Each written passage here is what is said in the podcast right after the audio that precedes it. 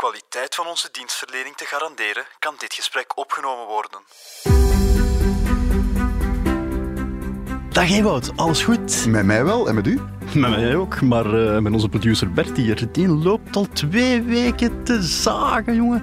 Iets over last aan zijn beurs of zo, ik weet het niet. Uh, ja. Nee jongens, het gaat gewoon slecht met mijn aandeel. Ah, oké, met uw aandeel. En dat is uw fout. ja, ja, hier. Nu, nu gaan we het krijgen, het gaat weer ons fout zijn. Wedden dat je weer niet goed geluisterd hebt. Je hebt toch aan DCA gedaan, hè? Uh, ja, YMCA ken ik, maar DCA. Oh, jongens, jongens, kom, kom Bert, start een intro, want echt, oh.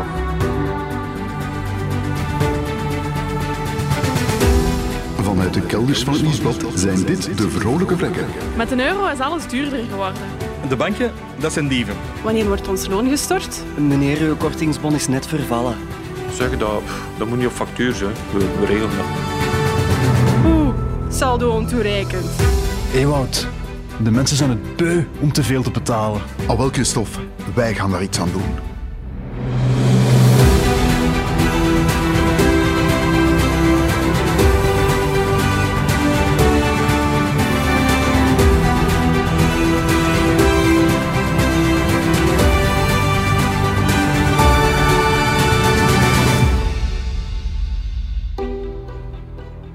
Christophe, we gaan het dus vandaag hebben over Bert zijn beurs. Eh, Ja, ja, dat- ja, het moest, het moest er eens van als- komen, hè. Klinkt als een podcast van HLN. Ja, kijk, maar het moest er eens van komen. Wat, wat scheelt er precies aan de beurs, Bert? Eh, want ik, ik, heb, ik heb daar zalfjes voor, hè. Laat me gerust, jongen.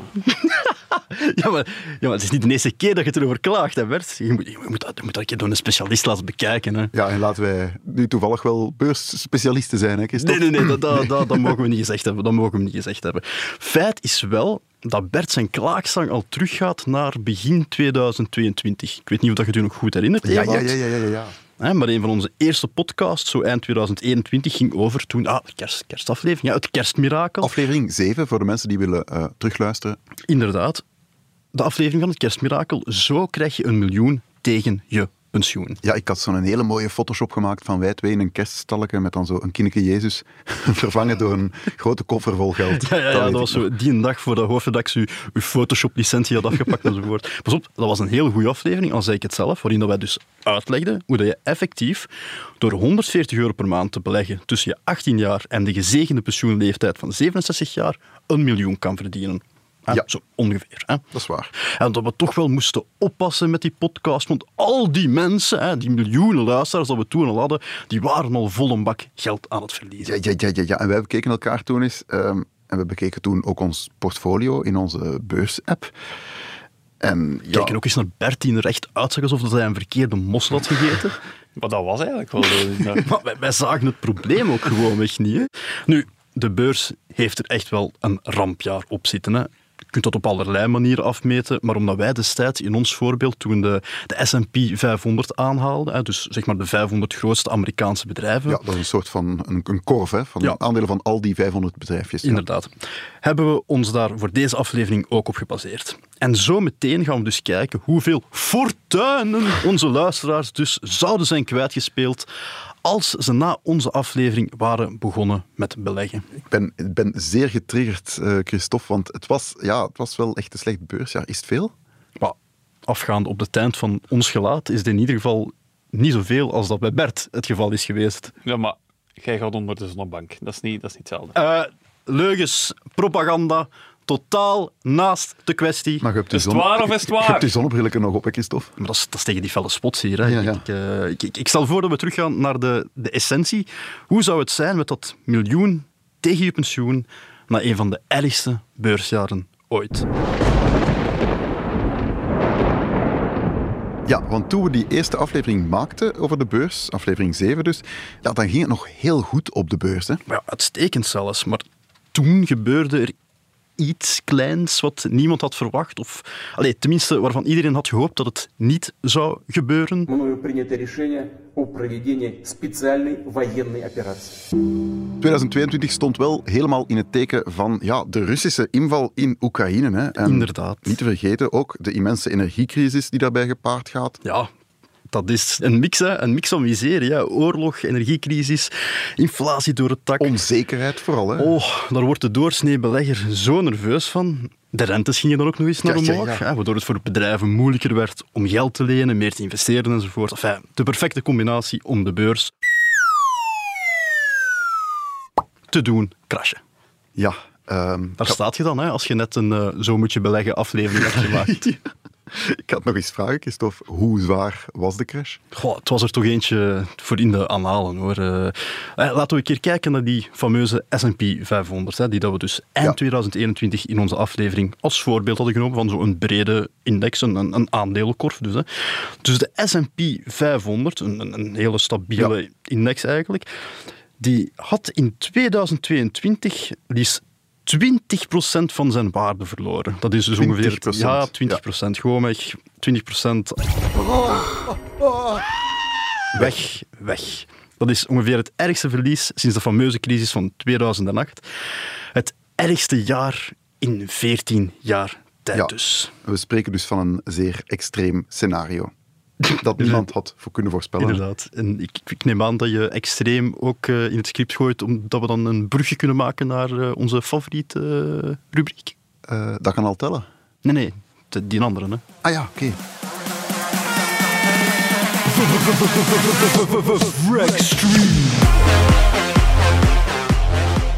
Net zoals elke week hebben wij ook deze week een extreme vrekketip van een van onze luisteraars. En deze week is die van Helene. Hm, mooie naam, Helene. Ja, ik vind het ook. En het is een vrekketip voor doe-het-zelvers. Ben jij een eh, doe-het-zelver, Christophe? Nee, nee, nee. nee, nee. Nee, sinds kort ben je van de straat, hè? Eh, ja. ja, inderdaad. Ja. Ja. Ja, bon. kijk, in Waregem. In Waddenham. Maar hoe dat? Vanavond had ik een goed zwin door de beet niet. Zeg, eh, dit is een vrekketip voor doe-het-zelvers. Als je bijvoorbeeld een meubeltje hebt waar een scharnier of bevestigingsplaatje ontbreekt, of een meubeltje dat niet stevig is, zegt Helene, dan kan je bij IKEA gratis reserveonderdelen bestellen. Aha. Gratis, volledig gratis. Gewoon bij de producten, bij de montageinstructies kijken welk productnummer je nodig hebt en bestellen. Zo hebben wij onlangs bevestigingsplaatjes besteld, zes stuks, terwijl die op Amazon verkocht worden voor 20 euro per twee stuks. Kaching! Dat is, Dat is wel dat geniaal. maar ik vraag me nu af, als je dat nu heel handig aanpakt en je begint zo op termijn de reserveonderdelen te bestellen, dan is zo'n heel kast. zo Ik weet niet of dat je zo de planken kunt. Ik denk enkel de vijsjes en de Ah, ja. nageltjes en zo. Ik heb dat ook wel eens gedaan en je krijgt echt, als je één nageltje bestelt, krijg je echt een, een zak met, met 200 nagels of zo. Ze, ze scheppen die met een schupje in een envelop en dat is Ah, gewoon... oké, ja, ja. Dus ja, gratis eh, klusmateriaal bij IKEA. Doe je je voordeel mee. Als je zelf nog zo'n een fantastische tip hebt, eh, gratis klusmateriaal bijvoorbeeld, of iets anders voor doe-het-zelvers, eh, stuur die dan vooral door naar Instagram, at vrolijke vrekken. Gooi die in onze DM's en wie weet komen wij er volgende week op terug.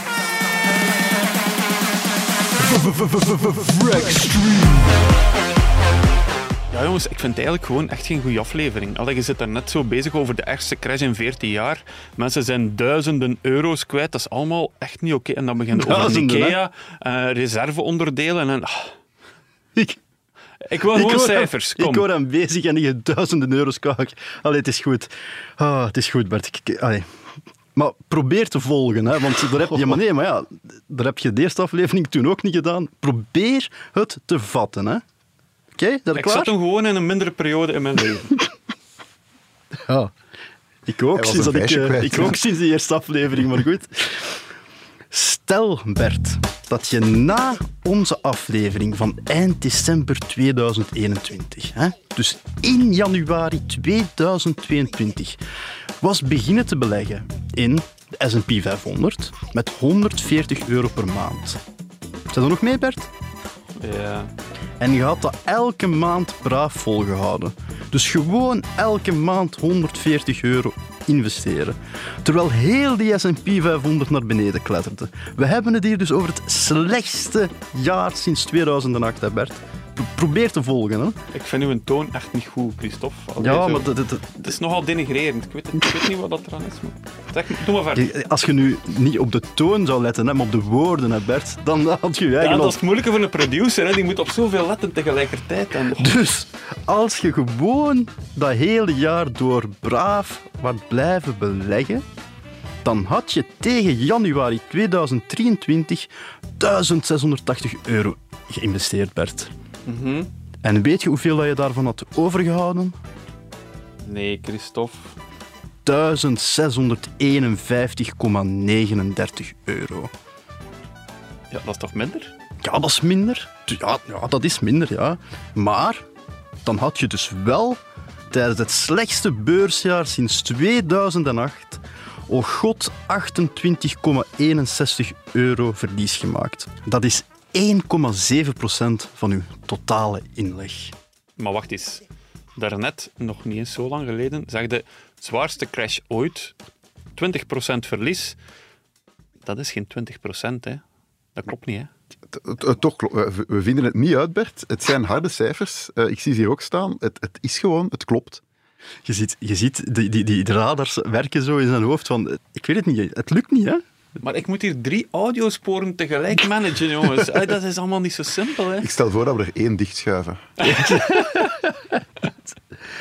Nee, maar Bert, kijk. Dat heet dus nu dollar cost averaging. Dollar kost. Kan dat niet in het Nederlands, Christophe? Ja, dat is... Ja. ja, zo ook zo in drie woorden. Ah, nu wordt het moeilijk. Nou, zeg. Als we het eens in het flums moeten doen. Nee, nee, nee, maar dollar cost averaging Ja, ja, het, betekent is een, het, is een, gewoonweg... het is een gekend begrip. Ja. Het is een, een, een oeroude beleggingsstrategie eh, waarbij dan je als belegger regelmatig een vast bedrag investeert, ongeacht de prijs op de markt op dat moment. Met andere woorden, in plaats van in één keer een grote som geld te beleggen, verdeel je je bedrag over meerdere periodes met een bepaalde regelmaat. En door die strategie te gebruiken, verminder je het risico dat gepaard gaat als je ineens een hele hoop geld investeert. Want, Ja, Ewout, want als je, stel nu voor dat je, dat je 140 euro per maand inlegt. Mhm. Ehm, in maand 1 kost een aandeel 70 euro, zal ik maar zeggen. Dan kan je in maand 1 twee aandelen kopen. exact. Als in maand 2 het aandeel daalt naar eh, 35 euro, dan kan je in die maand wel vier aandelen kopen. Dus op die manier, ja, je krijgt meer aandelen voor hetzelfde geld. En daardoor, ja, vlak je eigenlijk dat risico een beetje uit. Je vlakt grote uitschieters naar boven, maar ook naar beneden uit. Waardoor dat je in het long run gewoon, ja, Redelijk op niveau blijft. Hè? stabiel blijft. En het leuke is, als je dat blijft doen, je overleeft niet alleen een heel slecht beursjaar met ja, een te verwaarlozen verlies. Als de beurs het vanaf nu veel beter gaat doen, dan heb je heel de tijd eigenlijk tegen, Heel goedkoop gekocht. ja, tegen kortingsprijzen In de eigenlijk, solde. hè, in de solde gekocht. Zet je mee, Bert? Ja, ja, ik ben mee, ik ben mee. Ehm, ik heb wel nog een smerige vraag in mijn mouw zitten voor jullie, maar dat is voor straks. Laten we eerst eens luisteren naar een belangrijke boodschap van onze geliefde sponsor. Lidl, dat is de supermarkt voor iedereen die telt. Maar ook voor iedereen die centjes telt. Kom daarom uw boodschappen bij Lidl doen. Want daar krijg je de hoogste kwaliteit voor de laagste prijs. En daar worden vrolijke vrekken zoals jij pas echt vrolijk van. Dus we zijn dieper ingegaan op het concept dollar cost averaging. Eigenlijk simpelweg, je investeert op bepaalde tijdstippen, bijvoorbeeld per maand, een vast bedrag, waardoor dat je meer kan kopen als de beurs laag staat. En ja, waardoor dat je heel grote koersschommelingen een beetje mee verteerbaar maakt, zal ik maar zeggen. Maar onze producer Bert, die hier aan de knoppen zit, Hallo. die ging, ons nog, die ging ons nog een heel smerige vraag toewerpen. Ja. Bert, eh, een spannend muziekje en laat maar Ja, komen. wacht, ik zet het op, hè. Want, hoe zit het met de inflatie? Je hebt nu gezegd, we hebben 1,7% verloren, maar er is ook 10% inflatie. Waar is die naartoe? Ja, die, die is er eh, nog altijd, hè, Bert. Maar die Ja. was er toch ook toen dat je, allee, als je je geld gewoon op je spaarboekje laat staan. De enige manier om die inflatie tegen te gaan is eigenlijk al je geld koop. opdoen Ja. aan iets waarvan je weet dat het mee gaat stijgen met de inflatie. Maar ja, ja dat is ook niet echt zet je de geld ideale eigenlijk... situatie. Ja, Dan Ik had geld- gewoon veel meer moeten kopen dan Ja, lijst. voilà, en, dan, dat was opgelost. ik, was aan het, ik, ik, ik probeerde zijn redenering te volgen en inderdaad, hij ging... Ja, voilà, daar komt het op neer. Hij wou gewoon meer kopen, meer kopen in de lijst. Dat is, dat is, dat is ongelooflijk eigenlijk. Ongelooflijk. Moet je dat niet doen in crisis? Gewoon meer kopen. Ja, en, en zeker met kredietkaarten. Hè. zeker met kredietkaarten zoals de vorige. Absoluut, Bert. Absoluut. Dank u wel Blijven voor doen, tip, jongen. jongens. Ah, my, ah, my. Allee, Bert, zijn kritische stem hebben we al gehoord. Maar dan is er toch nog altijd die andere die nog net iets kritischer is dan de rest. Mijn buurvrouw, Karen. Je buurvrouw Karen. Wat gaat ons Karen daarvan zeggen? Ach, de CNA. Ik ga daar soms mijn panties kopen. Ik wist niet dat je daar kon beleggen. Maar wat als ik nu ineens een hele smak geld had belegd begin 2022? Dan zat ik nu met de gebakken peren. Einde citaat. De, de CNA? DCA. wat- De, DCA, Karen. Ja, klopt. maar ze haalt wel een goed punt aan, natuurlijk. Ja, ze zegt, eh, wat als ik nu een hele grote smak geld had belegd in één keer en ja, begin 2022, dan zat ik nu met de gebakken peren. Klopt, hè? Dat klopt, dat klopt. Nu, er bestaan veel discussies over. Of, ja, ik ga er ook geen stelling in nemen, ehm, want wij geven dus geen beursadvies voor alle duidelijkheid. Nee, want dat is zo. Hè. We zeggen gewoon hoe dat het werkt. Hè. Maar ehm, ja, je hebt mensen die zeggen van, heb je een smak geld, trek je er niet aan, investeer het gewoon weg.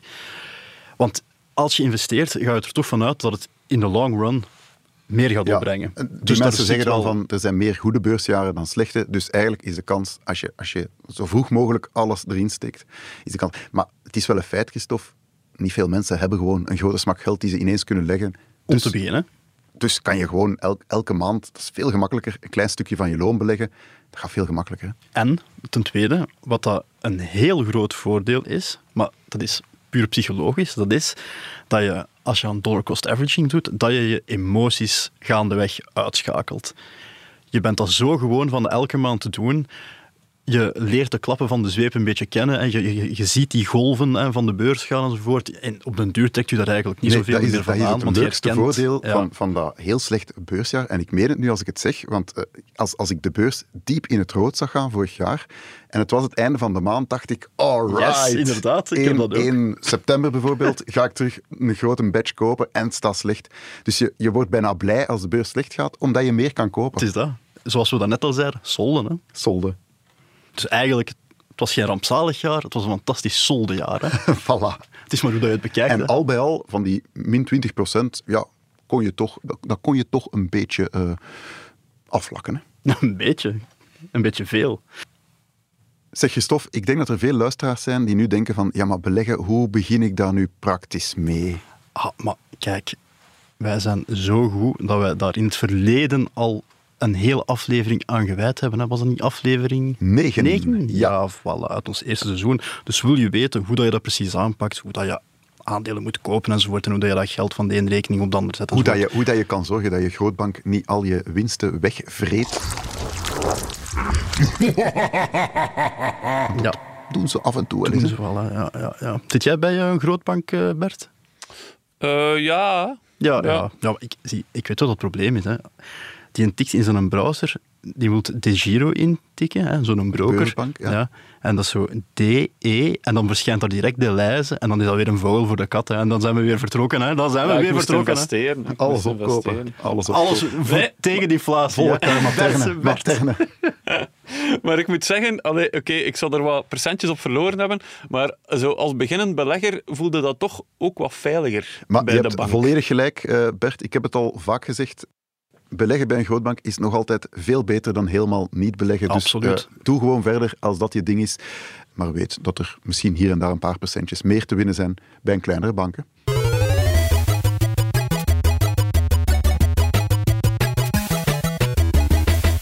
Dat kan al tellen. Eh, Christophe, het is tijd voor Dat kan al tellen. Dat is de rubriek waarin we elke week aantonen dat kleine veranderingen in je leven op lange termijn een enorm financieel effect eh, hebben.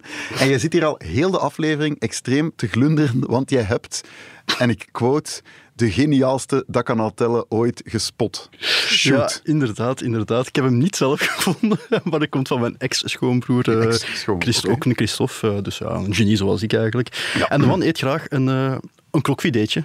Een krok... Sorry, een krok vidé. Ja, een krokfidee. Wat is dat? Een, eh, Dat is een, een krok monsieur met zo... eh, met vidé op. Ja, met fidee, ja. Ik heb dat nog nooit zien lekker? staan op een kaart. Maar, dat is niet waar. nee. Maar zijn er nu met mijn voet aan het spelen? Nee, nee, nee. Nee. Het is- Bolognese, dat een kan krok- ik. Wel, ja, gelijk een Maar krok dat is- bolognese. Een krokvidé. Nee, ik, kan, ik ken het niet, maar ga vooral verder. Dat kan toch geen lokaal gerecht? Is dat Bunsbeek of? Ah, wel, nee. Maar, allee, kom. Allee, er, wacht even, ligt er tussen die krok dan nog hesp en kaas of gewoon... Eh, ja, ja, ja, ja. ja dan Allee, jong, dat is toch als een combo... Allee, jong. En dan zo wat, wat groensels erbij, kent dat wel zo. Hè? En ook zo een eindschijfje. Allee, jongens, een.